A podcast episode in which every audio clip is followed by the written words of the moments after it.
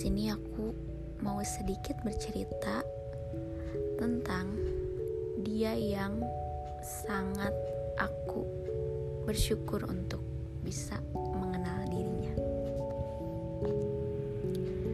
Tentang perasaan kepada seorang sahabat. Aku pernah menyebutnya sahabat. Rasanya menyenangkan menganggapnya demikian. Pada akhirnya, hidupku yang sepi dan canggung memiliki nuansa lain selain hitam dan putih. Dan untuk kamu, kamu adalah alasanku terlampau bersemangat untuk bangun di pagi hari. Memaksakan kantukku mengantung hingga larut sekali, hanya untuk menemani obrolan ringanmu setiap hari. Aku tidak pernah menyesali pertemuan kita pertama kali.